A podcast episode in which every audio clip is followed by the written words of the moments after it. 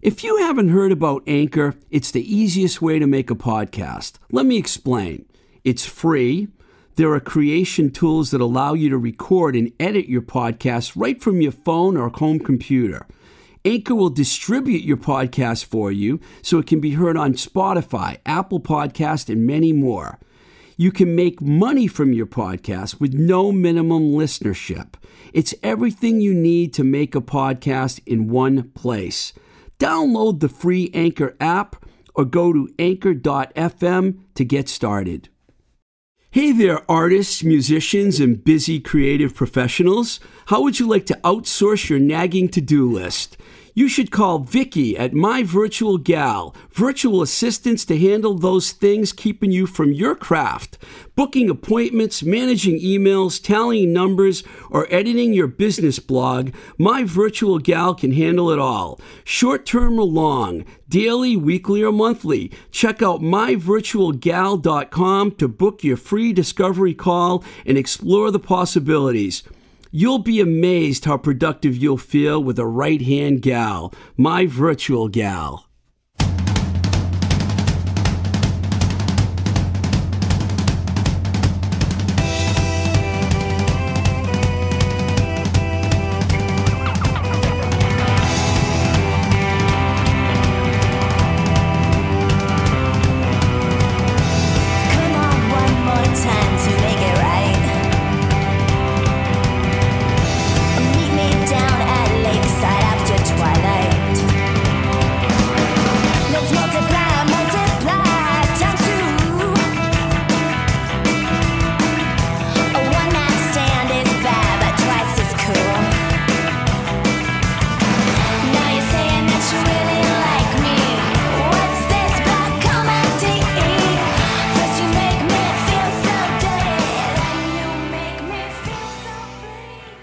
Welcome to Blowing Smoke with Twisted Rico. I'm your host, Steve Ricardo. We have a very, very special show for you today. My old friend James McAndrew from Milk Toast and Company will be joining us shortly from Denver via cell phone. As if that's not enough, we have here in the studio the beautiful and talented, coolest fashion designer in Boston history, and Syracuse University graduate. I had to throw that in. Cibeline Sariano. Hello, Steve. How are you? I'm excellent. How are you? Good. We haven't seen each other in a while. It's I don't know how long has it been. Um, maybe 10 I'm, years. I'm thinking 10 years. Yeah. Now, um, when I lived in Davis Square, you had a store in Davis Square, and that's when we met. Cibeline was Cibeline the name of the, the store. boutique, yeah. You later moved on to Charles Street in Boston, a little fancier neighborhood. Although Davis Square, you know, it's pretty hip. It was area. hip. It was hip. It was the uh, Brooklyn, if you will, of Manhattan. That's good. You I know, like that. that was why I picked it. I like that very Yeah, much. yeah. Um, you designed some dresses for LEV from the Charms, who does the theme song for our show, by the way, which you didn't just hear, but when you listen to the show, you will hear it. I know it. Yes. Um, and then we just became friends, and I used to just come down there and hang around. And when you had events, I would drink all the wine and you know have fun. Drink all the wine, flirt with all the girls. Yeah. That's you know. that that's sounds Steve. that sounds about right. I tried coming to see you a few times on Charles Street, but it seemed like I always missed you because you became too big of a fashion designer to hang out at the retail location. Well, I don't know how we always missed each other because I was always there nonstop. But that was my Charles Street uh, in Beacon Hill boutique. Yeah. And it was like, you know, going to the big, big leagues, you know, when I uh, moved down to Boston. So How long did you have both of those locations for? total, it was 10 years. 10 years. 10 years, 2002. Um, May is when I took the lease in Davis Square. And then I moved, um, I was there for six years. And then I moved into Boston in 2008. And I decided to hang that hat um, in 2012. And you did, you've been doing consulting and stuff. A ton of freelance design, um, working as event management um, for restaurants and wedding venues and that sort of thing. Events has always kind of been in my blood too, and I feel like it comes hand in hand. But um, yeah, just kind of done a bunch of stuff since my daughter was born, and Josie. Josie. I love that Lev and you both have daughters named What is Josie. the chance of that? And like, they're not any anything else other than Josie's. and they right? both are drummers. That is yes. Yeah. fast. Nick's a drummer, so he'll love that. yes, Totally. I mean, when I, when you told me that Josie was a drummer too, because I've seen Ellie's Josie play drums, I was like, that is bizarre. I mean, how did they plan this? out- and out you of- did it. And they're both blonde and they're both tall and they both have blue eyes. Like I feel like once we finally get these kids together, they're gonna be like two peas in a pod. It'll be really ca- cool. I can't wait. I can't wait for that. So now you're making a different move. You're opening an art gallery in the South End. Why don't you tell us all about that? Yeah. It's in this- honor of your dad, John. Jean, Jean, Jean Sariano. Yes, yes. Um, so this is this is just something I've known I was gonna do since I was literally knee high to a grasshopper since I was like a kid. Um, my dad is a very dynamic personality, and I say that um, with a lot of love, but there's a lot of uh, you know tumultuous stuff there. He's an too. artist. he is an artist. He is uh, like a little Picasso, is what they call him. But um, you know, I you know, I've always I've known I also wanted to be a fashion designer since I can remember. So um, this was something for me that um, you know, my dad has been painting since I was born. Um, he was in Manhattan. He was doing, you know, he was rolling with uh, Warhol and Really? uh, absolutely Warhol, um, Keith Haring. Nice. Uh, what are all the all those other contemporary artists in Manhattan? And um, he just always seemed to ruin relationships with dealers and gallerists and and that sort of thing. And not not so much. I mean, it's just a shady. It can be a shady industry. It was certainly in the '80s. So I don't know. At some point in high school, I remember thinking, I have to represent my father someday. I have to make this happen for him because he's so incredibly talented and prolific. And this was something I've always had on the back burner. And then after doing my own career for 10 years, I started thinking, how am I going to get this going? I started co- collecting paintings. And this all just happened, it feels like overnight because November. I decided to possibly do um, like a pop up gallery was my first idea. And when I started looking into pop up galleries, it turned out, as you can imagine, there's so many spaces available right now.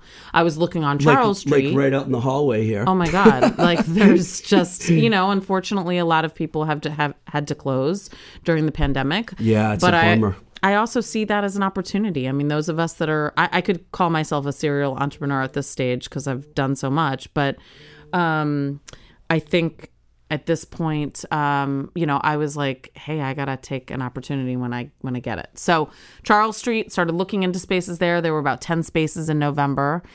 Um, the prices there on Charles Street were quite high yeah, I can imagine. um, but actually low for Charles Street, as you can imagine. So um, I wrote a business plan. In writing my business plan, I realized that my competitor was SoWa Art District. And I'm like, why am I looking on Charles Street when SoWa has just a community of gallerists already? And I Which for people that are not from Boston, that's like the South End, pretty much much of Boston, It's the right? south end of Boston. It's right on Harrison Avenue. Um, there were six spaces at the time I was looking in December, and I nabbed one of the biggest spaces. It's 1,500 sque- square feet. It's in the 460C building of Harrison Avenue. So there's a, just a vibrant art community going on down there. And with the SoWa open market and the food trucks and all that sort of stuff that I think we all have to believe is coming back now, you Yeah. know, and now Yeah, that we we've hope. kind of, you know, reached this place in the pandemic, I think, you know, there'll, there'll be a lot more life coming back to it. So, Uh, I know you have a couple of soft openings planned. Uh, wh- what's the story with those? So April, um, Friday, April second is the first Friday of SoWa Art District down there, and that will be my first exhibit, my soft opening, if you will, and uh, we will be open from twelve to four, and then five to nine that evening that day. All day Friday. And then our Saturday is going to be Saturday, April 3rd, and that will be from 12 to 5. And people have to reserve spots. Ideally, we would prefer people to reserve How would they do that? Eventbrite has um, our invitation on there, and you can go on to Eventbrite. If you search Crowd Me, I'm Alone, or Cibeline the Art Gallery, spelled C I B E L I N E, um, or Jean Sariano, Jean Sariano, um, you can find the ticket slots. And we're doing it for the COVID purpose. We can have 15 people in the gallery at any given, you know, time slot. Great. And the violin cat is playing the, Yes. the matinee. Yes, she Who's a great violinist from Worcester. Thanks to you. Absolutely. Well, we'll talk. We'll talk a little bit more about that uh, at, after we talk to James. Um, but before we bring James McAndrew from Milk Toast and Company on the show, let's listen to the song "Cigarette Burns," which is a new single that he just released, and the video is on YouTube, and it's just an absolutely fantastic video and a fantastic song.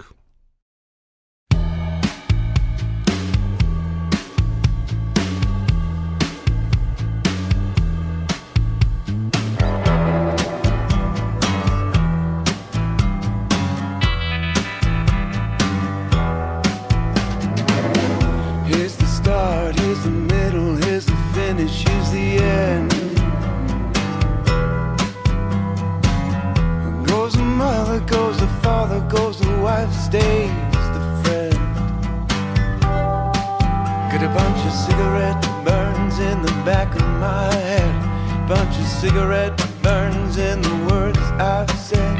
If I die tonight, hold the hand inside and know that I was never meant for a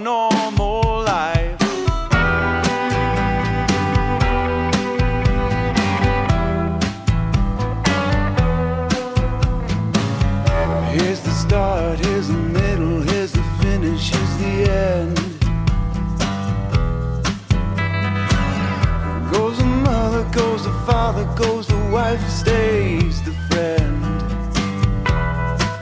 Got a bunch of cigarette burns in the back of my head. Bunch of cigarette burns in the words I've said.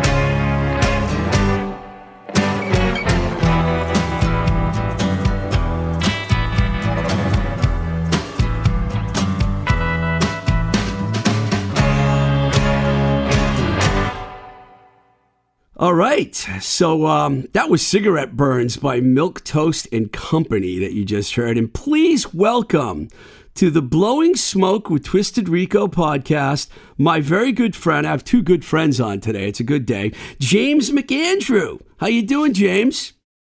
I am doing great. You're in on this Denver. fine Wednesday. You're in Denver, as we say in Boston, Denver, Colorado. Denver, Say hello to. in the land I never thought I'd be in. Yeah, I'm going to ask you how you got there. But please say hello to Cibeline Sariano. I know you guys haven't met, but I think if you did, Celine, how are you? Hello, James. How are you? I think if Very you, good. I think Very if you good. guys did meet each other, you would definitely connect because Yeah, I'm going to talk to you about your style for sure. About fashion, About fashion. My secret passion. Oh, even Ooh, better. I like that. I like that. Even better. I always say that too, except it's not a secret for me. Before we get to that that point, James, can we just talk about uh, you know you grew up. Uh, we, we talked about that you've lived in a lot of places in Mass, but you said Dorchester was kind of like your um, your longest. I lived there the longest, Dorchester. so Dorchester. Did you buy uh your your pack? Did you go to the Packy on Dot Ave?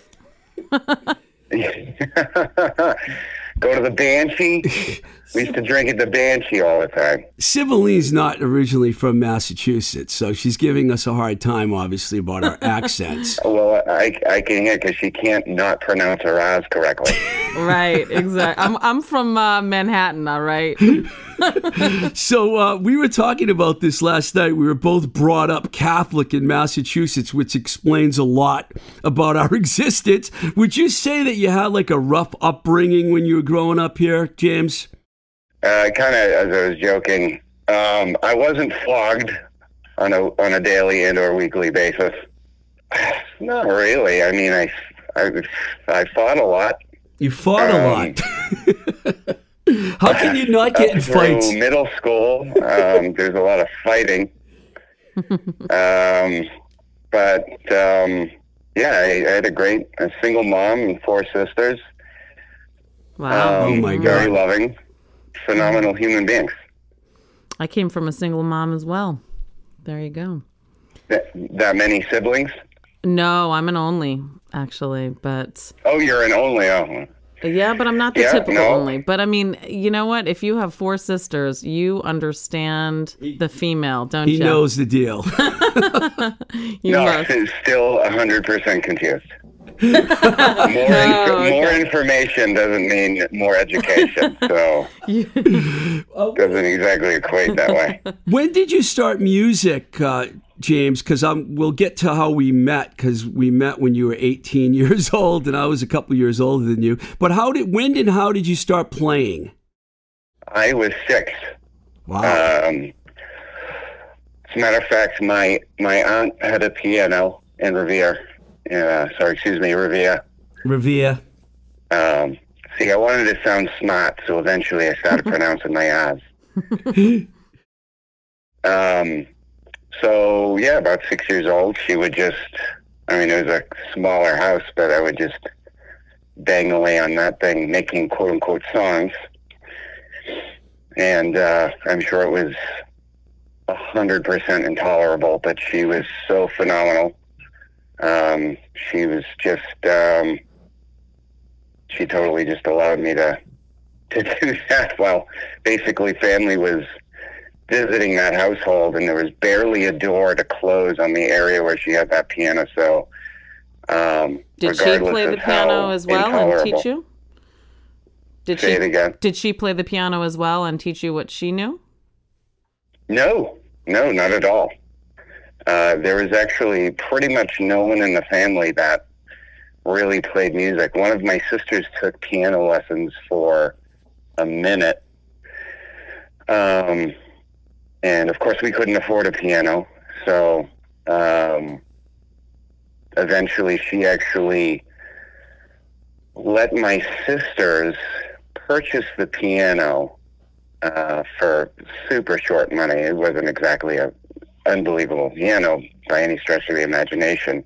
So I could actually play um, and Aw. eventually take lessons at about 10 years old. Um, and trying to read music was about as frustrating, frustrating as it got. And um, I ended up getting kicked out of piano lessons because I'd memorized the song and forget to flip the pages. So you relied on your ears. Can can we talk about this because I played classical piano as well, and I, I've been joking with Steve that I have like um, a large, soulful blues piano player stuck inside of me that can't come out yet because of the fact that I grew up playing classical piano like stuck to the pages of you know what my teacher would make me learn and I too just wanted to play by ear. I just wanted to like play, you know, abstract, whatever I wanted to play blues. So I get it. It's it's Yeah. like the you know the way we learned as kids was so you know you had to conform to this little plan that they had for you, right? Yeah, I mean, well, the idea it's two different languages that one of which I could never learn. I just it was too frustrating for me to tears. Uh, the only thing I could read once I got into middle school was trumpet, but that was only one note at a time. I could figure that one out. Um, so, but yeah, theory, you know, folks that kind of, it's kind of two different ways to speak that language. Um, and it's rare uh, that people are fluent in both um, or can kind of get beyond the theory aspect of it. Um, I, I remember very specifically. So my teacher was, uh, you know, he was a recent Berklee grad. And I remember coming in saying, Hey, I want to show you this song that I wrote, whatever it was. And uh, I had just hit a chord or a note or whatever it was. And he goes, Well, how do you know that that's the right note? And that was the most bizarre question I think I've ever been asked to date Yeah. um, in terms of making any music whatsoever. What do you mean? How does that? Why? What do you mean that note? How do I know? Because it sounds good. I would I would the har- note. I would hardly knowing you for as long as I have I would hardly uh, describe you as someone that went by the book you know because by the time I met you I believe you were playing guitar correct in, in 1999 when I came to see the Yeah, band yeah. I started. I started guitar. I think. I think I was fifteen.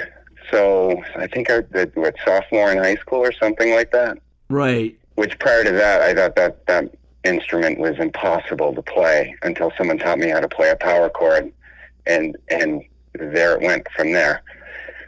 And then just started making chords up um, as my fingers would allow. So, if, as a matter of fact, if you look how I, not to get way, I, I will go in 7,000 directions in this conversation if you let me. So, I might want to keep me on track. But I'm gonna try if you to see, you see my, my fingers holding a cord now, it looks like I have horrific arthritis in my left hand. Um, I, I don't do anything conventionally at all, and not because I'm anywhere near special. It's just that's give somebody an instrument, you want to make sounds out of it, and you don't have lessons or anybody to teach you how to do it. You just make it so. I, th- I you I know want it to make that sound. Being unconventional makes sense because we met in a very unconventional way. Well, maybe it was conventional, but I love the way you told the story when we talked on the phone, how we met, because you kind of refreshed my memory. All I remembered was I went to a, a bar in Everett that was definitely a mob run bar. and I was with Chili. I was with Chili Kurtz and Devin Irish. Why don't you tell that story? How did you get me to come check you out in Everett? Yeah, it's, it's a pretty good one. Um, so that was a high school band. We had graduated, so that was the summer after I graduated. And you know, as far as we were concerned, the band was done. It was a high school band. We're all going to college, or um, I was eking my way through art school um, or going in. But uh, I had sent you. It was Twisted Rico Records, I believe, and I had sent you a demo. And it, like weeks prior, and I just so happened to call call you and say and, and told you like listen I, I sent you this demo and you said all right it's, as a matter of fact I see it here I think you had it on the floor like, well I see it here on the floor and you told me like five minutes later super excited, which made me in turn also super excited because I was just praying for just a shot. And uh, we set up that show very impromptu, kind of hence the odd mob run, mob front bar. It was kind of a Uh, scary we place. just forced a show so you you and you could come see it. And um, we had two sets, or I think we just had one long set, and we split it in two. And it just so happened it was the worst set we could have possibly imagined. Oh no. Everything broke. All the amps were destroyed. I mean, we had no money, so all the amps are garbage. Uh, certainly not well taken care of. My guitar was breaking. I only had one. And by, I will call it intermission, I went up to you with the only thing I could describe as a desperate, apologetic, please give us another chance face. And uh, you were very, you were nice about it. Oh, thank you. but uh, certainly not not exactly interested anymore. So were you So trying to that get a record deal on this evening? I didn't. I really- was, of course, Yeah, Okay. I was more of a management and booking. I had just started my management and booking company in Boston, like literally a couple years before that, and I put a compilation out, the class Twisted Rico class of '98, and that's what he gets the idea. I don't think it was. I never called it Twisted Rico Records, but it was just maybe it was Twisted Rico Record. I don't even remember, but uh, well, at the end of the day, me not being very well versed in the business at all, um, you might as well have been Sony to me. Right. um, because at least it was a, it was a shot. I'm thinking, oh my God, we I can actually play music for a living. This is going to be great. because you guys kind of Um, had and a. all that. You, I'm sorry, I didn't mean to interrupt, but you guys kind of had a Nirvana vibe going on, and that, Oh my God! yeah, and that's that's why I got you know Chili and Devin to come with me. I said, hey, you guys want to come with me to Everett? It's not easy getting people to go to Everett, by the way. so wait, this is 1995, and he's got a ver- 99. 1999, and he's got No, a Nirvana 99. vibe. Wow. Okay. I mean, He was a little well. A lot of bi- a lot of young kids around that time, even though Nirvana was like '92, I think they kind of broke. Yeah. A lot of kids Oh. were into Nirvana in the '90s. I mean, I was in college during Nirvana and, and you know Pearl Jam. I mean, it's like forget it. That was what everybody was listening to. But it didn't That work. was that was the shit. It, it, Yeah. di- it was an interesting place and you and it, you were, I liked you I liked you but the weird thing about it is we didn't see each other again for 10 years and then For then ten years, yeah, and then then you I had- tracked me down again yeah. Uh, you were booking, or you had.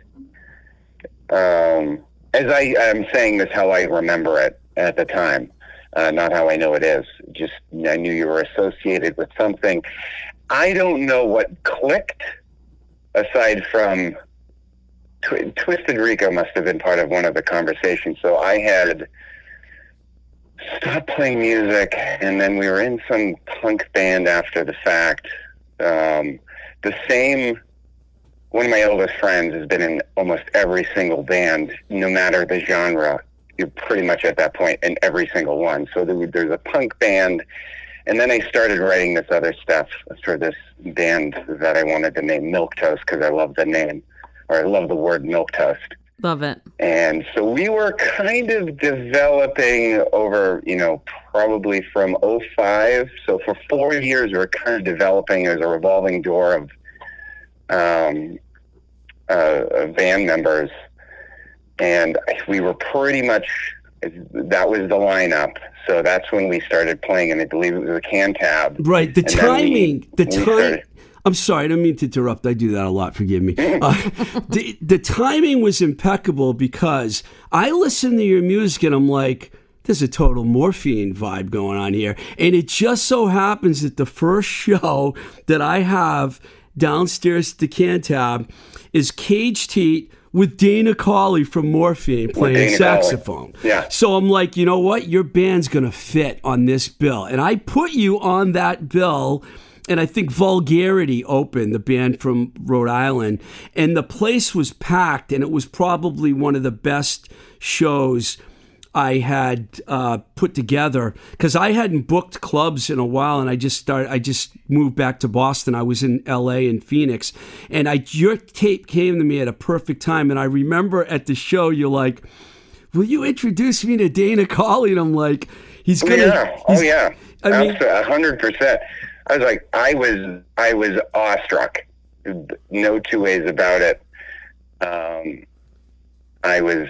My dream was to have Dana on one of my records at one point, which not to put the fast forward to, but that did end up, hap- did end up Yes, happening. that's the beauty of the whole Uh, thing. You wanted to work with Dana Colley. You were in the right place at the right time. You played together, and then he played on your next record.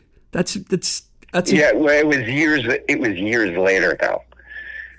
Um, the the the first piece. The here was the best part about that. I was like a giddy. Really, there's no way to really describe this other Wow. than saying I was like a giddy little girl with a with a crush, Of We've all been there, James. Of course. and um, or I mean, uh, giddy little child in general with a crush. Um, to drop off demos for the next record we were going to record. So he goes, "Yeah, just drop it off. Here's my address." And it's so silly too. It's he's right right there in town.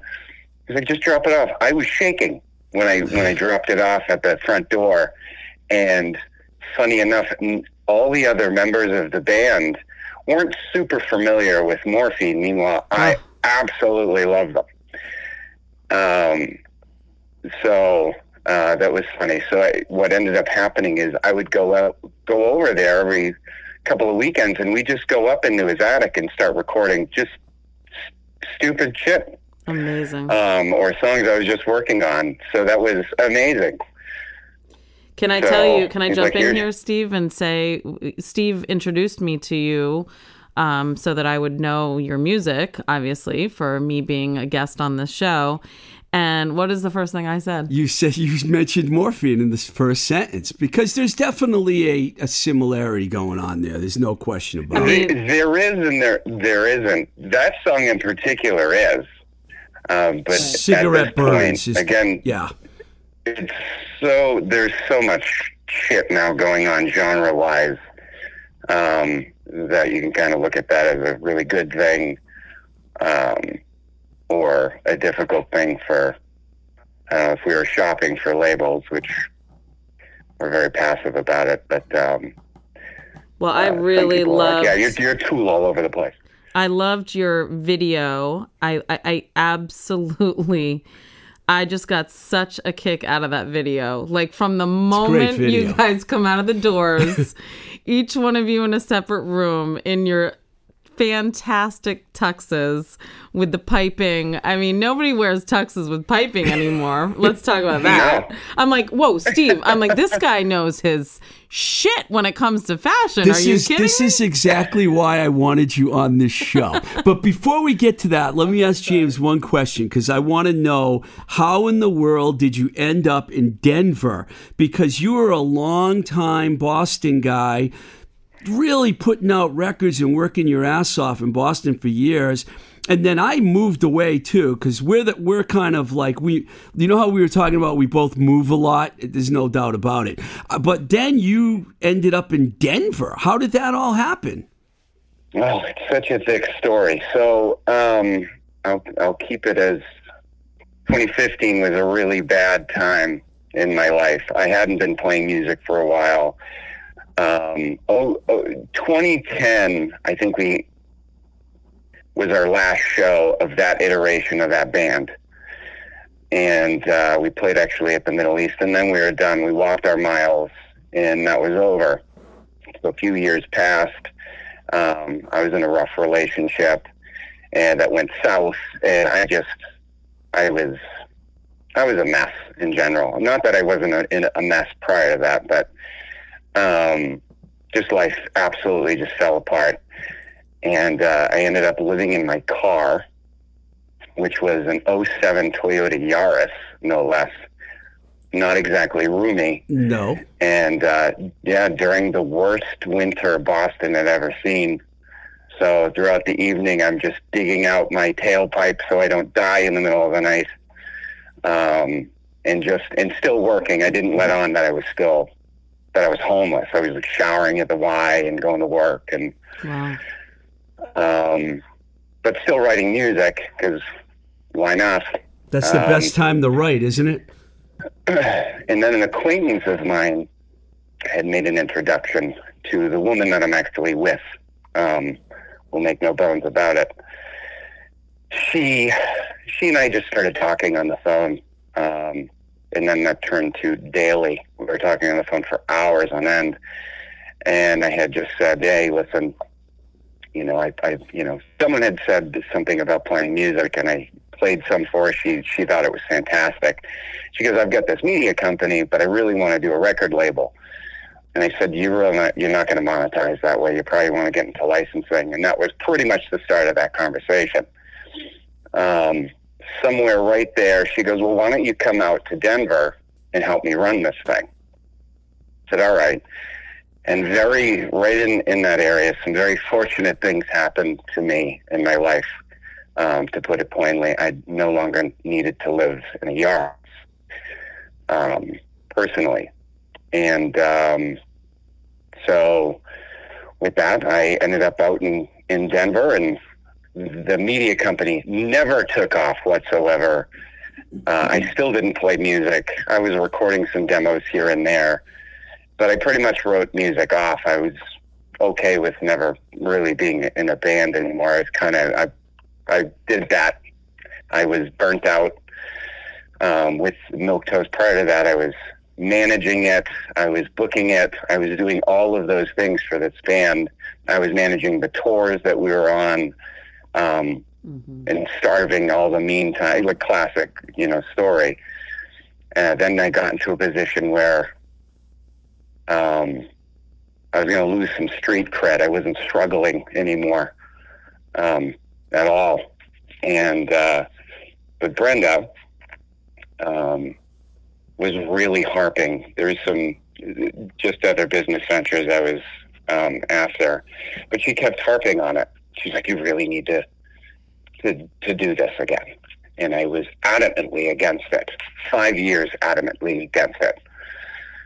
Till finally, she, I don't know what the conversation was. She's like, you should just, we're doing great. Why don't you do that? And with the idea of, all right, so I've got to find members of a band that not only, because talent's everywhere, um, but to get, you know, five other people that all get along, all jive.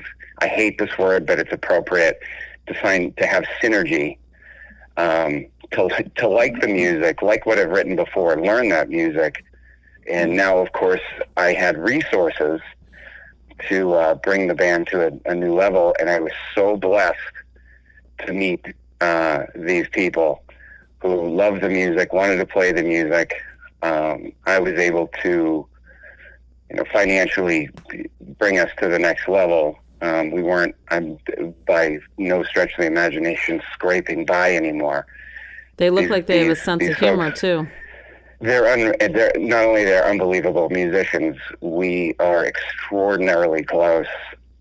Um, we spend a lot of time outside of the studio and rehearsal space. So um, Yeah, you- You uh, you blew my mind, James, because you waited another ten years. it's like every ten years, James McAndrew shows up in my life, and you tracked me down and you told me about your band because I, you know, sometimes you can't find things by accident. You just basically someone has to tell you. And you sent me, you told me about your video, and I watched it, and I was like, I can't believe it. He he he's he's doing it, man. And I was so proud of you, man, because I know how much shit that you went through, and like I was so happy to hear from you. You know? Yeah, I mean that was there was there was only one way I was ever going to do it again, um, and that was I, I'll put this in quotes, I guess, the right way, with resources, and you know, you, you treat you treat this stuff. I mean, there's no two ways about it. When you start a band and you're really giving this a shot, they're all startups. So you, I, I've treated this whole band as a startup at the end of the day, in terms of you know what are the next steps, what do we need to do to get us to the next level and the next level and the next level, um, and we need you know we need visual assets, we need we need Spotify plays, we need You nailed it, dude. You, you know, nailed it. we need tours, we need this, we need that, we need things, and you really can't have those things with. Unless, I mean, unless you're going to excuse the term, unless you're going to shove a horseshoe up your ass, um, and, and pray that that works. And, but I, I think that already happened, and I think I expensed the horseshoe that point. So There's there's no um, question. There was never any question about your talent. I'll tell you, never. And you know, I knew that because I don't like to just attach myself to just. Imagine attaching yourself to everybody that you meet in the music business. It's like a clusterfuck, you Yeah. know. But with you, I Yeah. always knew that you were like a totally. Com- Everyone knew that about True you, man. musician. But you know, you did battle some demons, man. I wasn't sure if I could bring this up or not, but you did. You you battled some demons. I don't know if you want to talk about that or not, but I don't, I don't mind. I mean, you had to overcome some kind of addiction, kind of thing, too, didn't you? Oh, absolutely. There's, there's, you know, it's. I'm, I'm not alone. There's a lot of folks, so it's not. Yeah, no, No. you're not. a, uh, You're not alone. a, a, uh, a rarity of a of an issue. Um, Is this how you ended up But, uh, living yeah, in a no. Yaris? during the specifically the end of the first iteration of that band, I was drinking hard, really bad. I was really struggling with it, struggling just to keep my my life normal, and you know to the point where um, it wasn't that it itself ruined my life, where I ended up living in a car as much as I couldn't get out of my own way to just get to the next step. So, and that that was still a struggle off and on for even the all all but ten years that Milk Toast didn't exist um, before I resurrected it, so to speak. Um, but even then, it was still a situation, uh, and I knew that the only, I mean, out here in terms of any other um, professional. Um, you know, business dealings I have out here outside of that, there was no way that any of that was going to be successful whatsoever unless I just eliminated The the, um, the guys that all the bullshit. yeah the guys that you're playing with, you told me you met all those guys aren't from Denver, most of them, right? Aren't they from other places? Yeah, we, we got one, one guy's from upstate New York, the other one's from New Jersey, another one's from Florida, uh, one is from, actually, another one's from Manhattan himself, as a matter of fact, as well. You got the East Coast And- guys in Denver. and then and then well that's the and then one's from Seattle or uh, Oregon I think. So- Pacific Northwest somewhere I'm not sure where Ben's from but yeah mostly mostly East Coast which would explain the only and perhaps there's this this inner bias of the only people I trust are certainly from the East Coast everyone from the West is always suspect Can I?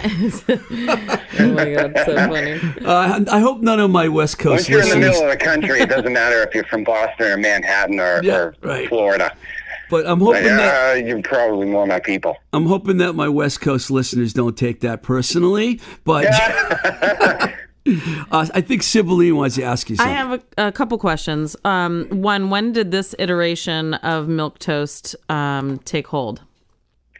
I started playing around with the uh, ni- uh, 20, or 2019. Oh wow. Okay, so this So, is summer of 2019, I scooped these musicians together.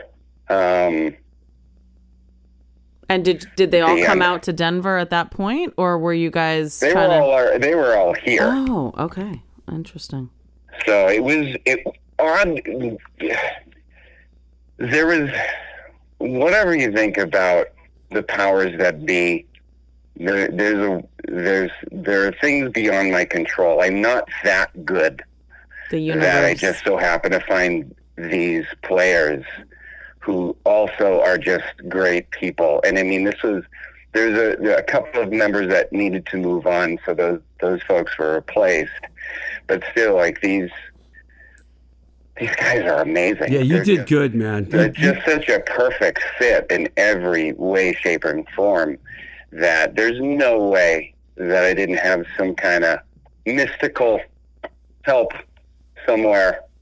I, I Um, listen. I believe in the universe and whatever all that is, and positive affirmations. That's actually my life has turned around in the last two years from a from a you know a lot of tr- turmoil, but um, so I can totally relate. And I think when you use the word synergy, especially with within a band and within musicians, and my ex husband is a musician, and I love music, and Steve and I have. He's just discovered that his favorite fashion designer is really into music. Um, when he introduced me to your to your music and also to your video, because I mean, I, I, you know, I needed to figure out who you were and what you were about before I jumped on here. you loved it right away. Oh my god! I mean, I was just I from from how the video was produced, the cinematography of it, if you will. Brilliant. I mean, I really appreciate when I see a band that has quote unquote synergy when when you have a sense of style when you have obviously the musical talent that you guys have i mean it all comes together and you're like aha they've got it Yeah, I, I, I got to tell you, James, the video absolutely floored me when I saw it. And there's so many things we could talk about the video forever. There Yes. was the one Well, thing we have got two other ones as well. That Yeah, one oh, was yeah, I watched them all. We, we have an animation and Yeah, I've seen the other ones too, but Cigarette Burns, I mean, is just, it's like, I mean, that's one of the best videos I've seen in a while. You know what I really enjoyed about the video? And let's just talk about the fact that there's a lot of bad videos out there. Oh, okay, yeah, yeah. so This is a great- This, this is is a a big really deal. this is a big deal to have a good video. This before you discuss fashion, which I know you wanted to talk about, the scene in the video, I like the whole thing, but I love when you guys are sitting at the table and you bring the fish out, and then everyone br- picks up their glass of wine except for you. And I noticed that, and I was thinking.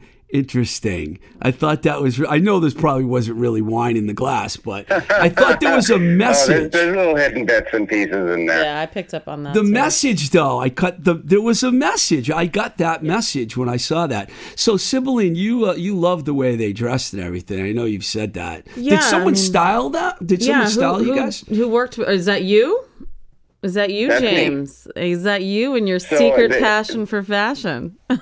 we can really I'll, I'll I'll make this uh, so that we can segue right into that because there are a couple of points of that that video in particular. So Cassie Maya, um, out of LA, by the way, she's actually well, she's Hawaiian, but so I have no, she followed us on Instagram for some reason, and, and Brenda just said, "Have you seen this one person out of thousands? Like, yep, that one. I know exactly who you're talking about, and just that's what she does. She's she's mainly a film uh, a filmmaker, and she had another video that I absolutely and I I should be better about it. I wasn't particularly a fan of the music, not that it was good or bad. It just wasn't my thing. However, the cinematography and all the shots and the lighting was brilliant. And uh, so she goes, "Okay, here's the storyline. Have you ever seen What We Do in the Shadows or whatever that that show is?" I said, "Yeah." She's like, "That's what I kind of see you as." And we're quirky, but there, there's not a lot about that that isn't pretty authentic. It's just Oh, you feel it. we're pre- see pretty it. much how odd we are. The But, um, dancing just alone, you guys dancing together. you know, the dancing just cracked So me I, up. that was two takes. Wow, nice So she would give us direction. She'd go, do that. And we'd go, gladly. Love it. And so we just, so that was mostly under her direction. And a lot of the props um, were mostly her. She would just go, hey, go out and get this thing uh, or these things, and we'll figure it out. Um, so I rented that. That's a uh, an older mansion in Denver. So the what's funny about that is the the uh, owner of that house lived in the basement or lives uh, in the basement. I thought I was renting this place, so the the crew stayed in that house the night before just to map out the shots, this, that, and the other thing. Um, we'll get into the fashion in just a sec. Um, I knew No, I exactly love- how I wanted everybody I- to, to dress. Uh huh. I love I knew the, what I love the colors house were, I knew what the color palette was going to be in the whole thing. You're the So we you go were the there. stylist. You're telling us that you were the stylist. Yeah, that's, I figured he was. wow. Yeah. I'm impressed, Um, James. That comes from the inside. Listen, you got you got to dress like you're going to work. Did you like the scene in the video when he like pushes his hair back? Oh, thought that I love great. everything about it. I really James do. has perfect hair, by the way. You have perfect And hair. you're tall. Tall and handsome. Um, we started that video, and if you've ever been part of a music video, you hear that song all day long. So get ready for your ears to bleed. You'll never want to hear this song again. oh right. So we do that first shot, and that first shot is all of us coming out of those. love it. We so we all got dressed, ready to go, and all of a sudden there's one door we couldn't open, and there's a number three on it. There's a bang from inside the door. We're probably maybe maybe ten minutes into this and it's someone living in the house. We had no idea. This poor person is in there, not knowing that a music video is being shot in, in this house all day long. I'm livid. And then Cassie, the director, goes, I'll take care of it. So the guy doesn't even come out of the door. She's just kind of talking him off a ledge, so to speak, outside of the door. And just to let him know, uh, yeah, This uh, took we're going to be bizarre doing this for about eight to ten hours. What? That is so That was- crazy. Wow. Yeah. So there's to to segue into the fashion aspect. There's a there's a place down the street from me, in kind of an older part of of Denver. This, um, it's a clothier, is what it is. Uh, this place has been there since the '60s. Like Ted is who still still runs it. Uh, old school, totally my style.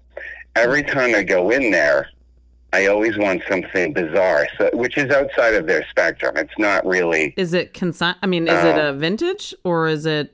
Um, no, not at all. Oh wow. Not at all. Because this Not is a, they, very they'll old make Hollywood. custom things. Like I can pick out fabrics and they'll make a suit, for instance, Oh. Or they're they'll tailor whatever you. if Nice. I- Oh, so so they're they're a little bit of everything. You can get bespoke from them. Uh, I don't know what that What word now? means, by the way. well, let me in, let me uh, educate you, yeah, please. bespoke. Bespoke means when you go in and you select the fabric and you select the styling, and then they make it It's for you do. your body and your measurements, and it's designed by you. That's oh, bespoke. a haberdasher of sorts. Haggardasher. Haberdasher. Yeah. I We're knew I would- I talking knew my I get- language now. we're I get to jump in now, here. Now you know. I, I knew you two would connect. I mean, what? What? Uh, how, what? Forget it. I don't. Go Oh, ahead, continue. James. I'm sorry. So it's and it's it's uh, at any time we're as a group doing any one thing, uh, it's always hilarious. So we all just go into this place and and these guys just set it up for us, and I just pick. This is what I think we should look like, and then it's it's just done, and they get. It's a laugh riot because we're we are not a typical client of theirs in in in, in any way. So, um, of course, if I have to do something formal, I, I, I give all my business to this place because it's independent. It's been there for a million years. So basically, like they stepping into- custom made these suits. time. They custom made these suits for you, the tuxes. Wow. They they fit it. They fit the suits. Okay, The- okay. These They particular existing. tuxes were out of right out of a catalog, and they they have some interesting vendors. So, um, and then then he made me buy them. So, Oh well, of course. um, so so he made the you gotta support the small business owner. that was it. He's like, They're, they'll be the same price if you buy them versus renting them. I'm like, I don't know if we're gonna. Ever wear Okay. them again? oh, you better, you better. They're fabulous. hey, James. Um, hilarious. James, I think we could probably talk for hours, but I can't believe how fast the time just went by. And there's just a couple other things. I know you mentioned that you guys are tracking four new songs now. So, uh, and your your whole path is to re- release singles, pretty much, right? That is pretty much management's um, go to um, Eva. Well, it's pretty much the standard of most most people that aren't you know particularly well known. No one's really releasing entire albums, and you know I think I had said this to you before that it's it's it's, kind of an interesting way to kind of force people to listen to all of the songs that are eventually going to be on one kind of compilation that we would otherwise call an album. Yeah, believe it or not, So- being old school as I am, I even understand this strategy because I am old school. and I think you need an album, but you know, I get what you're doing, though, man. So these songs that you're working on, are you going to release them like every other month or something? Is that your plan? We're we're releasing them every four to six weeks. So Okay, yeah. we still have two more. We're releasing a song, She Says, um, Friday, as a matter of fact. Oh. Um, we have two more from our last session, including that one, while we're mixing and mastering these next four. So we're writing as we're releasing. And these will be just, these are all coming out on Spotify. yeah. Yep. Great, great. Well, that's So, something. uh, Cigarette Burton's got quite a quite a few Oh, yeah. strings on it, and Firing Squad came after that. Yeah, your numbers. you know, I'm, as you know, I come from the industry, and I pay attention to numbers, and your numbers are impressive. So I'm like, No, I'm, definitely. I'm all about analytics. but um, you know, I thanks a lot, man, for coming on the show, and um, Thank you so much, Steve. It was a pleasure. I'm looking forward to seeing where your journey goes because I'm going to be there with you, even though I'm from afar. I've always, you know, what I think about you. When I did this radio interview, I think it was the last time we saw each other. I, this radio station here around here asked me to come on, and I called you and brought you up to the station with me. You remember that, right? It was. Uh, oh my God, do I? Absolutely. Yep, and we had a lot of fun that day. Probably a little too much fun, if I recall correctly. But Potential, but yeah, that's that's not out of the realm of, of plausibility. But thank you for coming on the show and um, and, and and letting Cibeline and myself take you through this this whole fashion course and all this. And uh, you Yeah, know, and Cibeline and I will have to talk more about fashion. I would Um, love that. Yeah. absolutely. as I move forward, please feel free. Um, well, if you ever need another more videos. stylist, I would love to help you on that. absolutely. Yeah, you'd, you'd be getting the um, best stylist around, by the way. If I could just add that to it. And and Steve, thank you so much, and we'll keep it so that it's not another ten years till I talk to you again. Absolutely, But absolutely. it looks like I'm back in the game, Thank you, and I wish you all. whether I all. like it or not. yeah, and I wish you all. You're staying in the game, dude. You are a true rock star. And, and I and you you know I love you, man, and I want the best for you. So good luck, and we'll Thank be you. talking soon, brother. Absolutely. All right, you take care. All right, thank see you ya. so much. All right, later. Take care. Well, that was fun. James, I knew you and James would get along really well. So listen, we're getting kind of short on time here, but I want you to do a total plug on your art gallery, all the dates, violin cat, the whole nine yards. The mic's yours. Oh, thank you so much, Steve. Um, well, uh, I just wanted to circle back, tell everybody that um, Cibeline the Art Gallery, um, which is my you know, rebirth, if you will, into the world of art and fashion and music and events, and now doing it for myself. Um, we are located at 460C Harrison Avenue, Boston, in um, the suite called C6. It's in the lower part of the um, 460C building uh, in the vibrant, wonderful, contemporary art district of Boston. Um, and I am initially opening up this gallery um, in the hopes to get the world to realize what a phenomenal artist my father is, Jean Sariano. And he does like abstract art because we didn't abstract, mention. Yes. contemporary, colorful, whimsical. I mean, to see this stuff, his website is jeansariano.com. Plus Instagram, you have Um, too, and right? we have Yeah. Instagram at jeansariano.com. That's J E A N S A R I A N O. And also, we're on Facebook for Cibeline the Art Gallery. Um, but his work basically, I've, I've been, I've taken the last, um, year and a half now to photograph over 600 paintings Wow. that I've gone through so far. He's been painting since the 60s. Uh, right up through till t- 2019, 2020, no, 2019. And um, I mean, it's just unbelievable the breadth of work that he has. It's, like I said, colorful, um, totally, totally one of a kind. Um, and I'm just really excited to bring it into the world of the contemporary art market because it's really kind of untapped at this point. I still have easily 400 more paintings to even look at. So I haven't even crossed that bridge yet. But this is a, a big step, a big, a big, big moment for me um, to get back into the spotlight, if you will.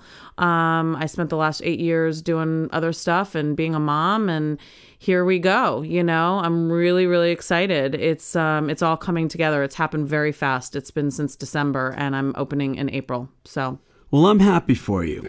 And um, I appreciate you coming on. thank you so much. And uh, I'll be at your soft opening uh, on April 2nd.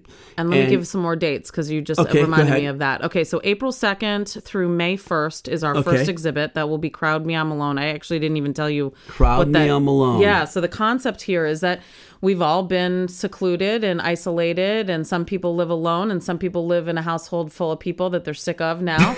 um, and, uh, you know, the dichotomy between the two, the juxtaposition between the introvert and the extrovert. And I picked paintings there are two different series of my father's work one that's i call it's crowded and one that's called alone lonely and there'll be this dichotomy of the two pieces hanging next to each other Wow. um, it's Sounds really cool it's really cool so then our our next first friday will be the first friday in may but i'm actually thinking about maybe keeping this exhibit up a little bit longer so let me not plug that Okay. and go right into june 4th, Fourth. which will be my grand opening Official opening. that's going to be my big blast. You know, here we are, world. It is official. Um, Cibeline, the art gallery. And um, Congratulations. yeah, yeah, I'm just so going to plug Violin Cat again Yes, because she's going to be performing on April 2nd at 12:30 to 3:30 something like About that. that, yeah. Yeah, she's really uh you got that's going to really add a little spice to everything, I It think. will. She's a violinist that plays both classical and pop and everything in between. And so I'm really excited. My dad is a huge, huge music. He's just got a love of music. So this is for him. It's not even for the audience that Yeah. will enjoy her too, but it's for my dad. And then I also want to say that my dear friend Mark Femino um, has agreed to come play that evening. So he'll Oh, be playing nice. from five to nine ish. You know, uh, you know, in and out and he's just going to play acoustic guitar and he's got a new album out too femme la bouche See, you don't Femi need me to book your acts for you. You can just book your own acts. well you're going to book him but I, he's a good friend of mine so but kat is i'm so excited to meet her and have her have her you know playing doing her thing Well, thank you again, and once again, thanks to James McAndrew. And um, before of we milk toast of Milk Toast The and Company, Milk Toast and Company. milk toast Yeah, check out that video for Cigarette Burns. It's on YouTube. It's really fantastic. I highly recommend it. Um, if you want to support the, song Yes. If you want if you want to support the podcast, we have a Patreon page, patreon.com forward slash twisted rico, where you can support the show for only a dollar a month. And you can reach me at twistedrico at gmail.com, at twistedrico on Instagram, also at blowing smoke with TR on Instagram. There's also a Facebook and Twitter page. Thank you to Nick Z here at New Alliance East in Somerville, Mass, for doing another unbelievable job. Till the next time we say goodbye, this is Blowing Smoke with Twisted Rico. I'm your host, Steve Ricardo. Keep the rock and roll alive.